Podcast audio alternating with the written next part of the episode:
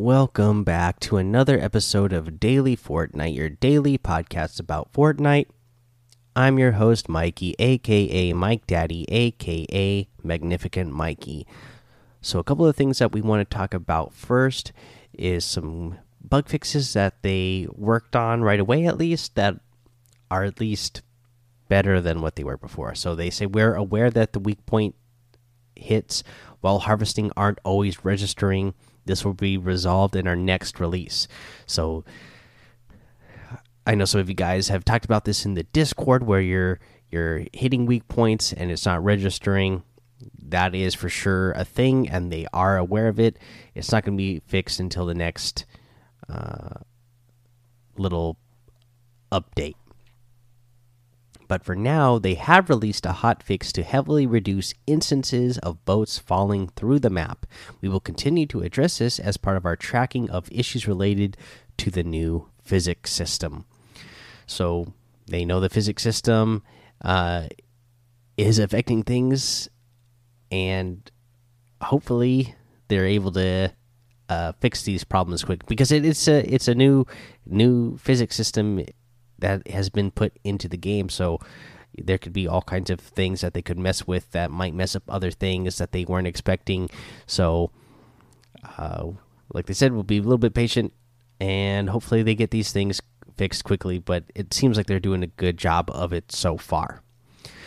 Uh, let's see here. That's the only news I really have for you today, other than the fact that there was the uh, search and destroy tournament that uh, happened uh, that was hosted by the practice server today. I didn't get to watch any of it, but the Fortnite competitive uh, tweeted out congratulations to Riverson, Avery, Eclipse, uh, Zifa, iCarry, and Noir for winning search, winning the search and destroy show match hosted by Practice Server. Think you can do better? Grab five friends and play in the search and destroy practice tournaments coming up over this weekend. So I'm guessing that means practice server is hosting more uh, tournaments, or uh, maybe is Fortnite. So maybe they're talking about the like the in-game tournaments that uh, Fortnite is hosting for the uh, search and destroy. Uh, let's see, because they have a FaZe search and destroy practice tournament tomorrow, February eighth and then 100 Thieves Search and Destroy Practice Tournament February 9th. So maybe that's what they're talking about. I don't know. It's kind of unclear to me. This whole thing, ever since I saw this tweeted about uh, by Practice Server a day ago or two days ago, or whatever it was now, I was I've kind of been really unclear exactly on the messaging on. Obviously, they're connected with the Fortnite competitive and uh, hosting this and everything, but it's it's just kind of, you know, it, it it's pretty weird. Um, I don't know exactly what the what what what you get out of playing in the little practice tournaments here for search and destroy. Uh, but i guess uh, it could be a lot of fun. Uh, okay let's see here. What else do we got? Uh, that's all the news. So let's get into a weekly uh, challenge tips, and we got a couple more challenges that unlocked for the Love and War challenges today. And this is one I would like. This is one of the items I was really looking forward to.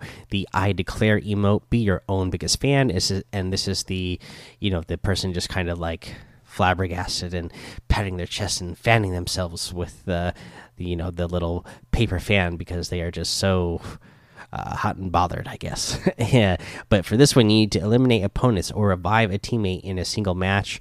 You need to do three in total, and then you have a another one that is stages. Starts out with earn gold and search and destroy matches, two thousand five hundred, and when you get all of these stages done, you're going to get fifteen thousand experience points. Let's go ahead, take a break. We're going to come back, go over the item shop, and a tip of the day.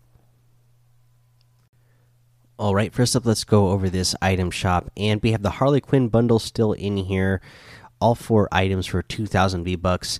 And again, the individual items is the Harley Quinn outfit that comes with the challenges, the uh,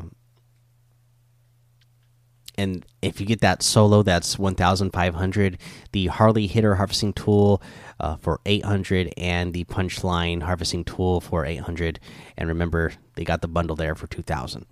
We have the Love Ranger outfit with the Love Wings back bling for 2,000 V bucks, and the Tat Axe Harvesting Tool for 800. We have the Night Knight outfit for 1,500, the Assault Trooper outfit for 800 the Star Wand harvesting tool for 800, the Infinite Dab emote for 500, the Extraterrestrial emote for 500, and a new wrap, the Wild Stripes wrap.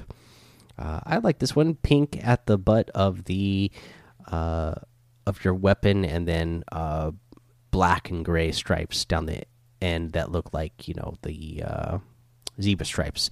And then for the Love and War set, still in here, you have the Metal Mask bundle, which is 2,400, and then the individual items. The Zadie outfit and challenges for 1,200, the Metal Mouth outfit with challenges for 1,200, and the Spiked Mace harvesting tool for 800.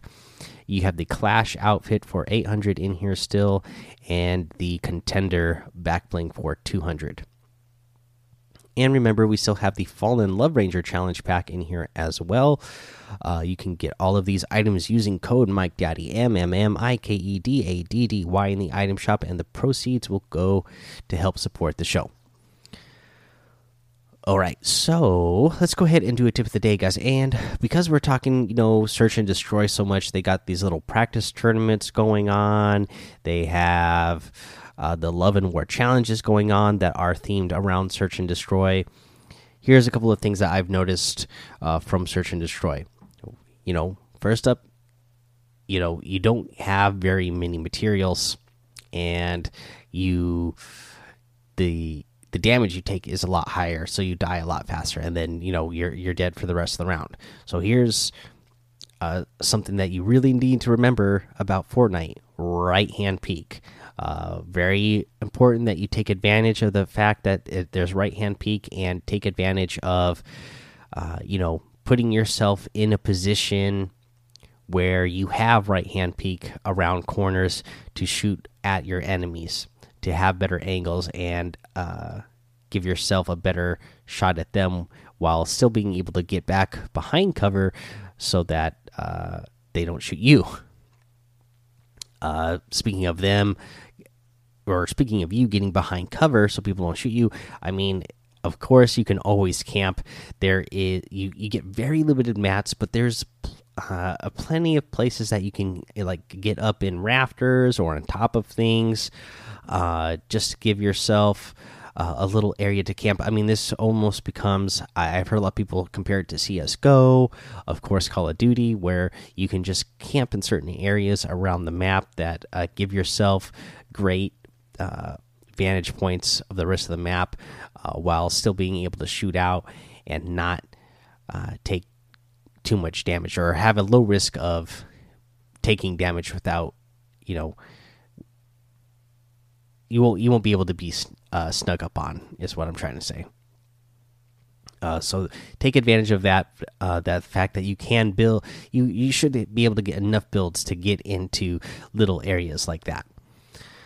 Alright, guys, that is the episode for today. So go join the daily Fortnite Discord and hang out with us. Follow me over on Twitch, YouTube, Twitter, Mike Daddy on all of those. Head over to Apple Podcasts, leave a five star rating and a written review for a shout out on the show. Subscribe so you don't miss an episode. And until next time, have fun, be safe, and don't get lost in the storm.